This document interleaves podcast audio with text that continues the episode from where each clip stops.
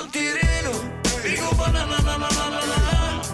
Vi är här för att stanna, na Jag svär på min mamma, mamma. Vi går banananananana. Två steg framåt, ett tillbaks. Tre poäng, så lätt det var. So I'm in the car with someone from Texas, San Antonio. Howdy. Mr. Chris Dial. Welcome to Oskarshamn. Thank you. Thanks for having me. We're uh, we're doing a basketball coaches in cars getting electrolytes podcast today. How are you enjoying yourself so far? It's been awesome. Awesome. Every day's been a little bit better.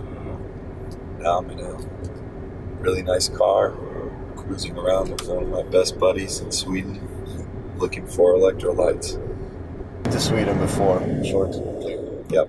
Now we shipped you off in a bus to Oskarshamn. and You got to stay in a first class facility classroom on an air mattress First class air mattress. with, with 10 other people.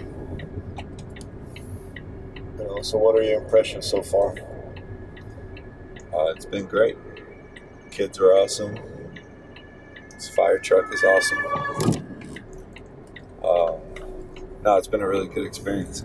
Coaches are working hard. They're engaged, passionate about teaching. Kids have been really respectful, really responsive, very coachable. Um, it's been it's been a great environment. Bro, you work for something called the Basketball Embassy. What's that? So, Basketball Embassy is a it's kind of a multinational nonprofit that sort of specializes in development, uh, developing basketball, obviously, but developing community through basketball as well. Uh, so we work with national federations, we work with clubs, we work with FIBA, we work with uh, any organization that's trying to do good things through basketball. So I've been all over the world and originally from San Antonio, Texas, but lived in Europe and coached youth national teams and done clinics and camps all over the place. And so it's uh, the same kind of thing that brought me to uh, brought me to Sweden. So you've seen a lot of European basketball. What is your reflections when it comes to European basketball versus Swedish basketball? The little you've seen with, of Swedish players. Yeah, there are a lot of similarities. Uh, I think kids fundamentally are are you know they're good in terms of they're they're learning you know the different fundamentals of basketball. I think coaches in Sweden especially are are highly intelligent. Um, they're good teachers. They understand uh, different you know kind of pedagogical techniques so they can really get to their kids. Uh, so I'd say the kids in Sweden maybe have a leg up on some of the you know the other countries I've worked in, just in terms of their coaches being knowledgeable. Um, that said, Swedish kids, part of their their challenge is the coaches are trying to train them to be tough, you know, and to compete. So,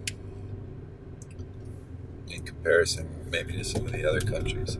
So you, you're saying that we need to train them to how to compete and, and try to win versus the other countries that might have it more in their DNA somehow that they need they need to hustle more to get what where to where they want to be. Right. Yeah. Their situation is living situation, the personal situation is better than other countries. Kids might have it in their personal life. Yeah, I think basketball kind of mirrors culture. Kids up here are really fortunate, so. Um, So we should put them in the basement. lock them in the basement. the last two days of camp. lock them in the basement, throw a ball in there with them, and tell them they can't come out till they're they're ready. But no, they the kids are great, and you can't you can't ever fault a kid for being respectful and and being uh, you know humble in their approach and all that. But there is something to say about overcoming adversity in the process of being a sportsman, and I think sometimes coaches places like Sweden, they've got to create the adversity so that kids understand how to overcome a struggle and kind of fight from behind a little bit. You go to place exotic places like uh, you're a lot in Turkey, right? Yeah, Istanbul. yeah. Then uh, you go to Moldova, Georgia, not Georgia. Been to Georgia. Uh, yeah, the Balkans a lot. Kosovo, Romania, Bulgaria, Macedonia, Turkey, Moldova. Do they have clubs like we do, or is it more like the U.S. system with schools? No, their club, they're a club-based system as well. Um, Turkey's actually had some initiatives to try to tie sports to school, so that kids could be held accountable in school uh, in order to participate in the sport. But they haven't had much luck uh, implementing that system. So, yeah, most of the most of the club systems are very similar to, to the ones you have here in Sweden. But the Swedish system is that we want to keep as many players as possible, as long as possible. So we don't want to do the the early speciali- special specialization. We Right. want them to do several sports until they're I don't know 13, 14, 15, Yeah. and then specialize. And, uh, so sometimes it feels like you know we're we're just managing kids Yeah, trying to do everything in our power to we don't give them any give the rules but we're not hard on on them we Right. don't demand too much you know right. so i mean that, that that's pretty much the opposite of what the americans are doing right Well, it, I wouldn't say it's opposite, but I think the difference is in the states. Most places are trying to avoid specialization early as well, but due to just numbers, kids that you know want to excel in a certain sport, they really have to start prioritizing that sport in the time that they spend the time that they allocate working on that that specific sport. But I think the difference is that, like you guys, you know, when you when you have all these kids, I think numbers are important. Numbers kind of breed competition, and then competition will sort of breed success. But you've got to find a way to start identifying the kids that are just here uh, to be involved, you know, to be a part of something, uh, but aren't that serious about, you know, making it their craft and identify the kids that are. And then within somehow within the same club you've got to be able to provide opportunities for you know the more serious kids to really focus and grow while the other ones still get to be involved. And i think that's difficult to balance you know sometimes it's hard. You, you don't have the staff you may not have the resources you may not have you know even the the uh, blueprint or plan of how that would look. But I think that's what you know maybe differentiates because in the states, if you know, a 13 year old kid is in in a school and there's a hundred other kids playing basketball,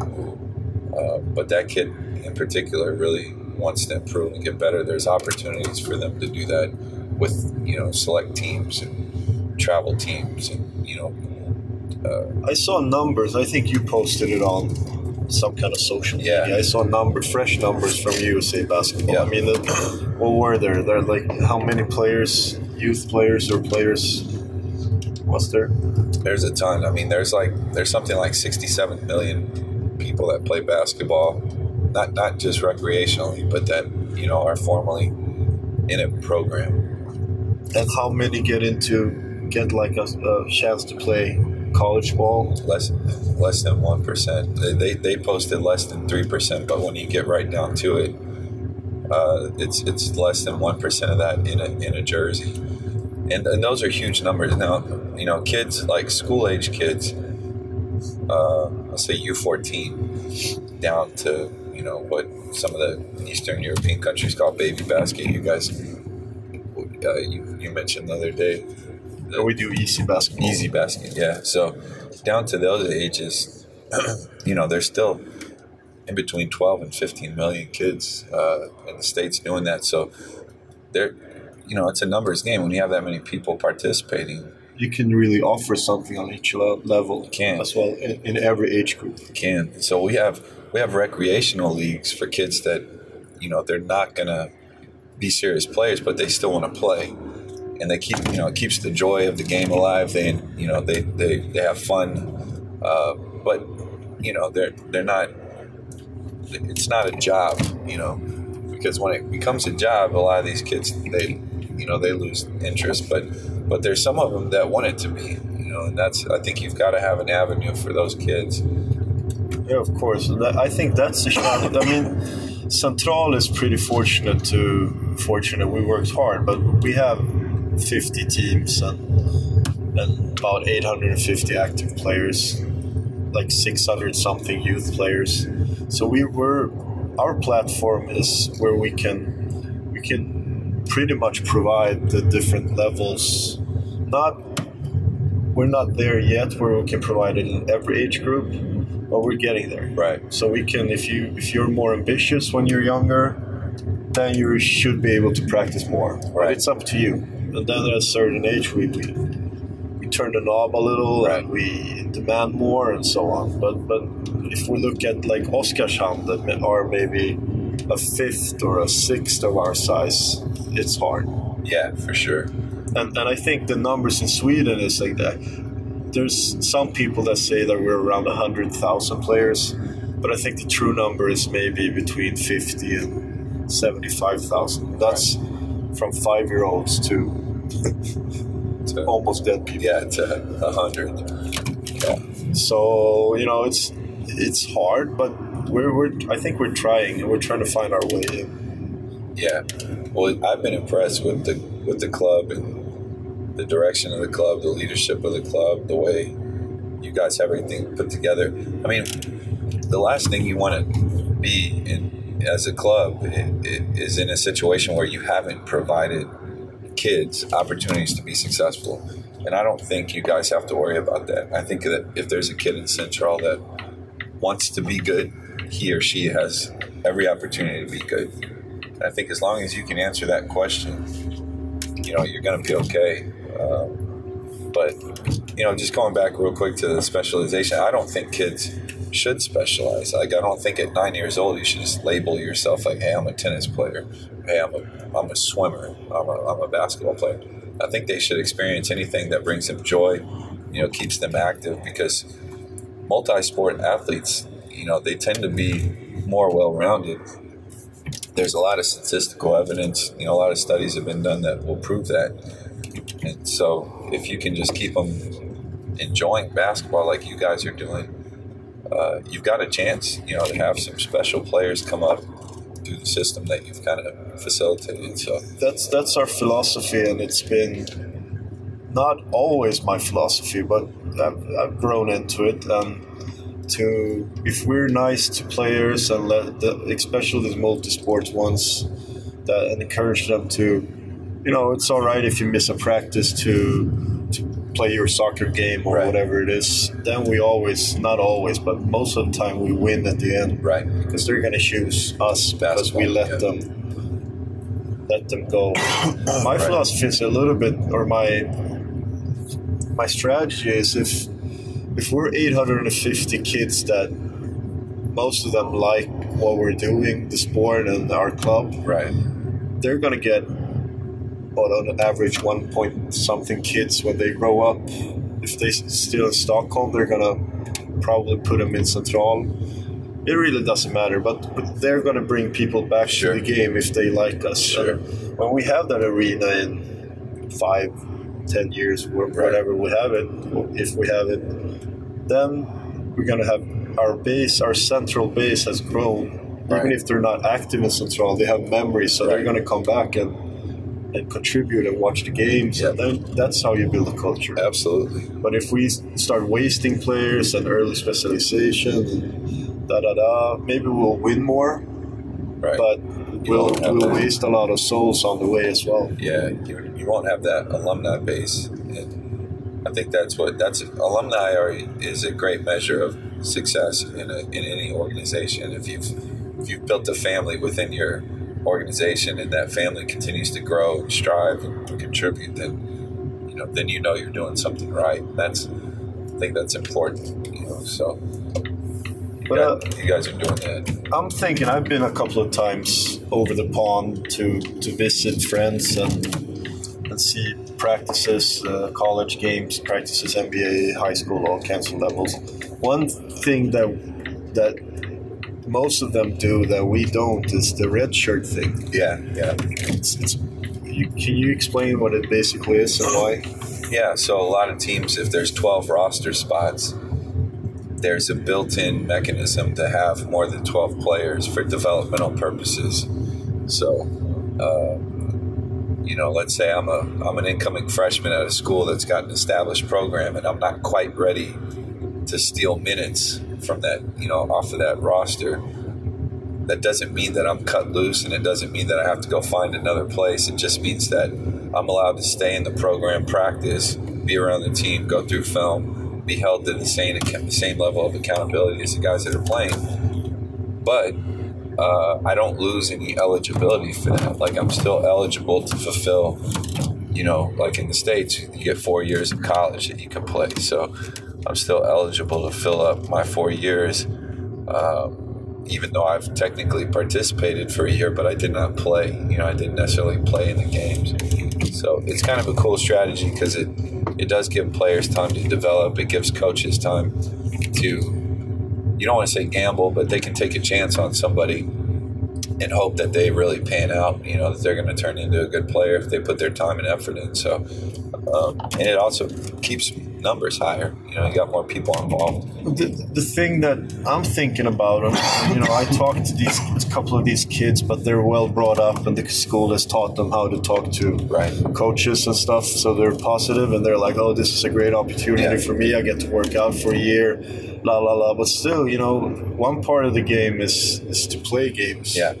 To to to practice to be Right. able to show it in, in a game and you know and the incentive for a player that is redshirted is okay you get an extra year of college Right. you get one year to mature Yep. you get an extra year of basketball and all of that so that's their that's the little carrot on the Right. the icing on the cake that they're getting Yep. but i'm wondering how how to Oh. translate that into Games. our club system Yeah. Yeah. how do how can we encourage because we have a couple of players that would would need to be like red shirt what Sure. at least play like a fifth of the games they're playing Yeah. there's a lot of game focus. Yeah, I think uh, you know one thing that so I you know, I recently accepted a job at, at a university in San Antonio, and one great thing that they've already got built in is they have a you know, they have a varsity men's team, varsity women's team, and then they've got a club men's team and a club women's team, and so some of those red shirt guys have the opportunity to drop down even if it's once a week, once every two weeks, you know, whatever, a couple times a month, they have the opportunity to kind of slide in on that club roster and still get some some live game minutes. They're not sanctioned games in terms of you know the league or anything like that, but they're officiated. You know, they're filmed and they're used for developmental purposes. So, I think you know, from a club perspective, as long as you can keep players active and engaged, let them be around the practices so they continue to develop let them receive the instruction from the coaches let them stay in shape you know let them be a part of the process but then you know find a way uh, to provide opportunities for them to have some practical application so they can get a couple of games you know here and there and, and really show what they've learned and if you if you have other clubs neighboring clubs you might be able to set up a deal where you know central is going to play their club team uh, their developmental team is going to get a game once a month, you know, against the rival, you know, club who's trying to do the same thing. So together, even though they're adversaries, even though they're you know opponents, together you guys are actually raising the floor a little bit. Basketball overall in Sweden is kind of coming up because you know clubs are providing opportunities for these kids to play against each other. But one of the things I'm I changed in my thinking is concerning games, the number of games. Yeah. When, when 10, 15 years ago, we I just wanted to play Yeah, like five different leagues, and right. you know, if we could play 150 games a season, then that's that's That awesome. great. Yeah, But uh, you know, I don't think the games because the ga- some somewhere in that in that the, the games uh, status level sinks. If you play five games every weekend, Yeah. then it's not going to be important to put the game uniform on.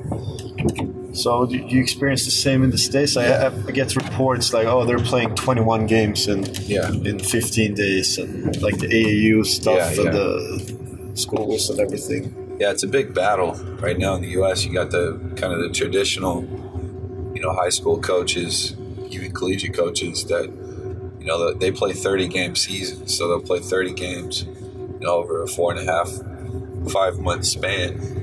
But that seems reasonable. and that's very reasonable. But then, so like, uh, you know, a high school varsity player will get 30 games, four and a half months, and then in two months or three months of AAU season, they'll get 115 games.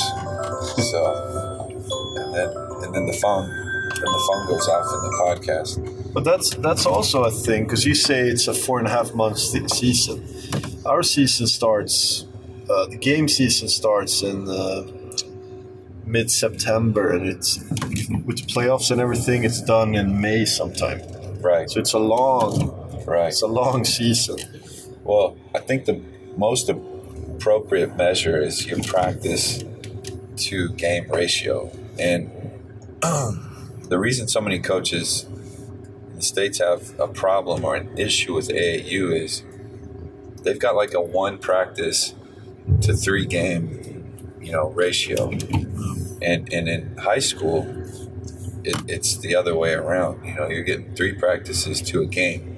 And so when you talk in terms of development, you know, the practices are controlled environments where you can really, you know, put a kid in situations to develop, you know, a certain way.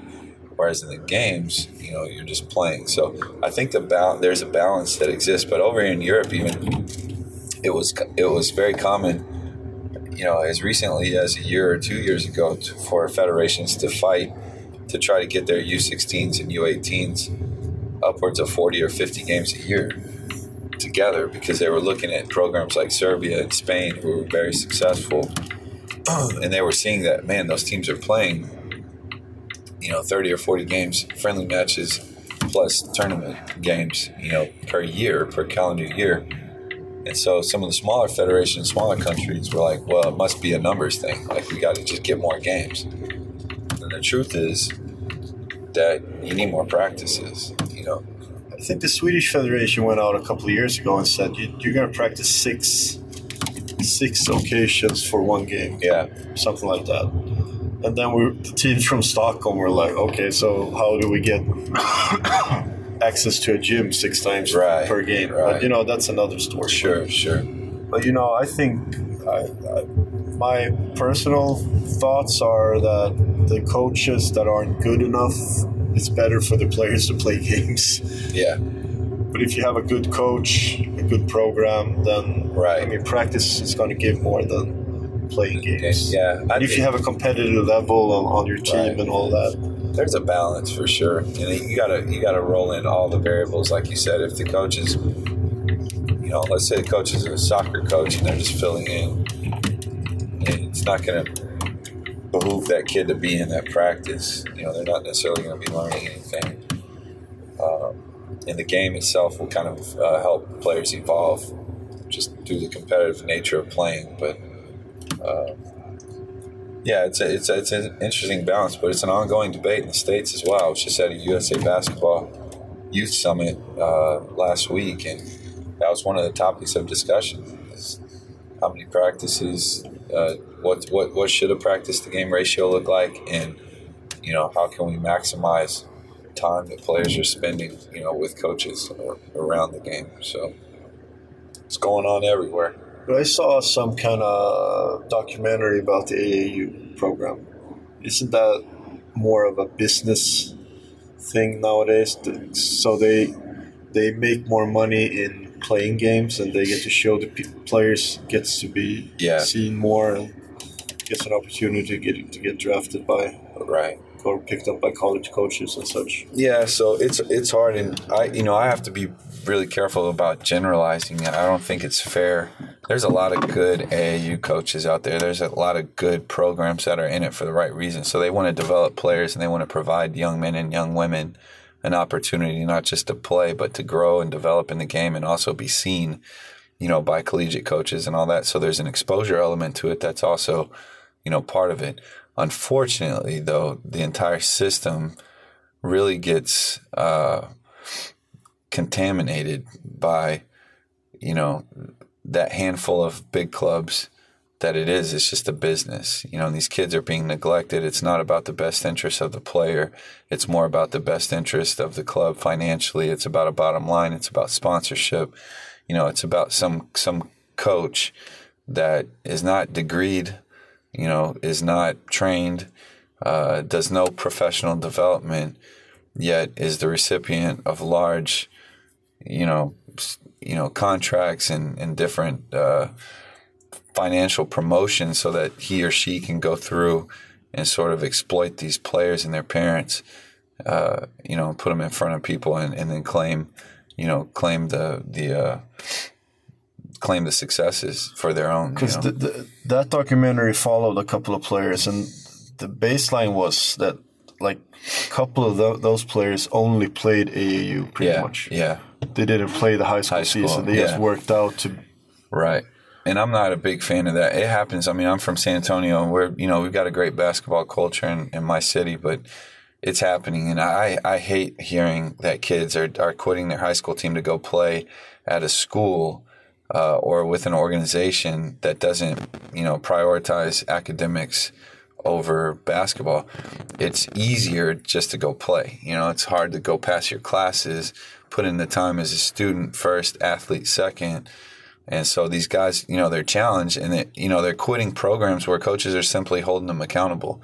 And and the parents are supporting it and it's a problem because if we're not keeping players accountable, we're we're we're keep we're keeping them in a situation where essentially they're never going to be successful. Not not in basketball, and not in life. So I just don't like that we run away from you know challenges and we run away from coaches that keep us in line. Uh, when in fact that's what they're supposed to do. So we've got we've got a bunch of you know interesting uh, issues right now in youth basketball in the states. But fortunately, you know, organizations like USA Basketball have made that a priority, and they're trying different things, different methods to, to educate and to support, you know, people that are doing it the right way. So, finishing this off, we've been driving around Oskarshamn five times. You Yeah. see the city, five routes. Pass, Um, passing Willys again. Here's the Willys. um, what should our players focus on going forward? So most of the, I've tried to give a lot of feedback this week, and I guess the more consistent themes have been uh, number one, just physically, you know, trying to trying to build a complete basketball body, and even for a youth player, uh, not shying away from physical activity, you know, and, and opportunities to increase strength and mobility and uh, speed. So, you know, a lot of the young kids, I've told them to get on a jump rope. I've told them to not shy away from push-ups, not shy away from sit-ups. You know, anything that's body weight, squats, you know, that kind of stuff. So physically, just to improve uh, themselves. You know, there's a lot of functional workouts that youth can do that don't involve, you know, lifting weights or things like that that can help them build a better basketball body. So a lot of the kids here, even, you know, they're just they, they look fine, but they're they're out of shape. You know, they don't have that aerobic endurance, and they have a hard time. You know, if we're going to play a 40 minute game, you know, they'd have a hard time getting, you know, getting all the way through, being uh, being efficient. You know, uh, the second thing, you know, other than the fundamentals, we've told them all week, like, don't get bored with the basics.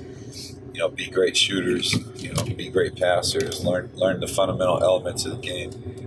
Uh, defenders. You know, so work on stance and posture and balance. You had a section in your first speech about the difference if you if you shoot with a perfect shooting mechanics and, and not. Yeah, What was that? yeah. I mean, talked a lot about that this week. The old adage that pr- practice makes perfect is it's not exactly accurate. It's you know perfect practice will make you perfect. So uh, we you know as coaches we're putting these kids in situations where they can build reps, they can get repetitions. But a lot of times we're guilty as well of providing quantity and not quality. We've got to make sure that the repetitions they're getting are correct, that they're they're fundamentally making these players better players. So we've challenged the kids this week. Hey, you've got all this time in the gym. Make sure you're spending quality time in the gym. Don't just be in the gym to be in the gym. Uh, be in the gym to work correctly. And that'll help you see, you know, the improvement that you want to see. so, but I mean, just in general, you know, I guess one intangible theme on top of all those things, the fundamental things, which is being something that you and I have talked about quite a bit, but you know, there's an art to learning to be competitive, you know, and just because you're competitive doesn't mean that you can't be a nice person or a good person. You know, there's plenty of great people that are also extremely competitive in nature, and I think you know, teaching kids to be competitive, teaching kids to compete and want to win and want to do better outperform the person to the left or the person to the right, the team to the, the left or right. You know, those things are important. So I think in general, kids from, you know, well established nations like Sweden, like you and I have talked about, they've, relatively speaking, they have it fairly easy. And I think that translates, you know, to sports. So strife translates to sport and so does the absence of. So, uh, again, as coaches, we got to find a way, you know, here to create some positive and healthy adversity within the structure of our practice and our organization, so that these kids learn that you, that you got to fight, you know, that you got to be tough, and that there's a resiliency that exists in, in, in successful players that we've got to establish and develop. So, uh, I would just, you know, players need to work on all of the things that I mentioned, plus you know applying that intangible, which is you know be tough, work hard, be resilient, persevere, you know overcome hurdles and obstacles, do it in stride, and then uh, you know and then you start talking about having complete complete players and complete programs. Right. So, what are you doing for the rest of the summer? Going home, chilling. I wish. Um, I'm flying out tomorrow from Stockholm. I'm a little sad. I'm not going to get to spend much time in Stockholm, but You're going to be back. I'll be back. And next time I'm planning a few days where I can just hang out with you, visit, go see some of the guys we know and like to spend time with, and see the city a little bit. But no, I'll be flying to Istanbul tomorrow, and uh, I'll be there a couple of weeks doing camps and clinics, and I'll be in the gym, you know, with working with kids and working with adults and every, everything in between. After that, I'm flying to Pristina, Kosovo, place I used to live actually. So, gonna go visit a bunch of what I consider kind of family friends now. But we're doing a camp in Kosovo as well, just outside of Pristina. It'll be a development camp for youth. Um, and after that, I'm flying to Bucharest, and I've got a lot of again kind of family friends in Romania. We're to do a clinic for the Coaches Association, also run a couple of days worth of camps for local kids in Bucharest, and then uh, head to the Black Sea, watch a good friend of mine get married, and then then I'm going home. So I'll be back in San So you're Antonio. doing the East Europe. Eastern Europe tour, quick tour, yeah. So- I get San Antonio. We're back at the school, and uh, what's the what's your what you want to send to our coaches Oh man, going ahead, going forward? I've got I've got a bunch of new friends. So if you guys listen to this and I had an opportunity to work with you, just understand how fortunate I feel to be able to have spent time around the coaches here at this camp. They're, they're not just good coaches; they're really good people, and I've just really enjoyed getting to know everybody, watching you work. I've learned a lot of things this week. Hopefully, I've taught you a few things this week. Uh, but just know you guys are on my mind and in my heart. And if you ever need anything, man, I'm I'm, I'm here. But it's uh, man, it's been a it's been a lot of fun. This this camp has been It's bit intense, flying from Houston to Istanbul to Stockholm, and then yeah be put on a bus six hours later. yeah You had what, like 25 hours of pre- uh, traveling Yeah. to get here. Yeah, about a day, full we'll, day. We'll sort that out next time. But uh, Chris, thank you for coming, and Yes, sir. we'll talk more. Sounds good.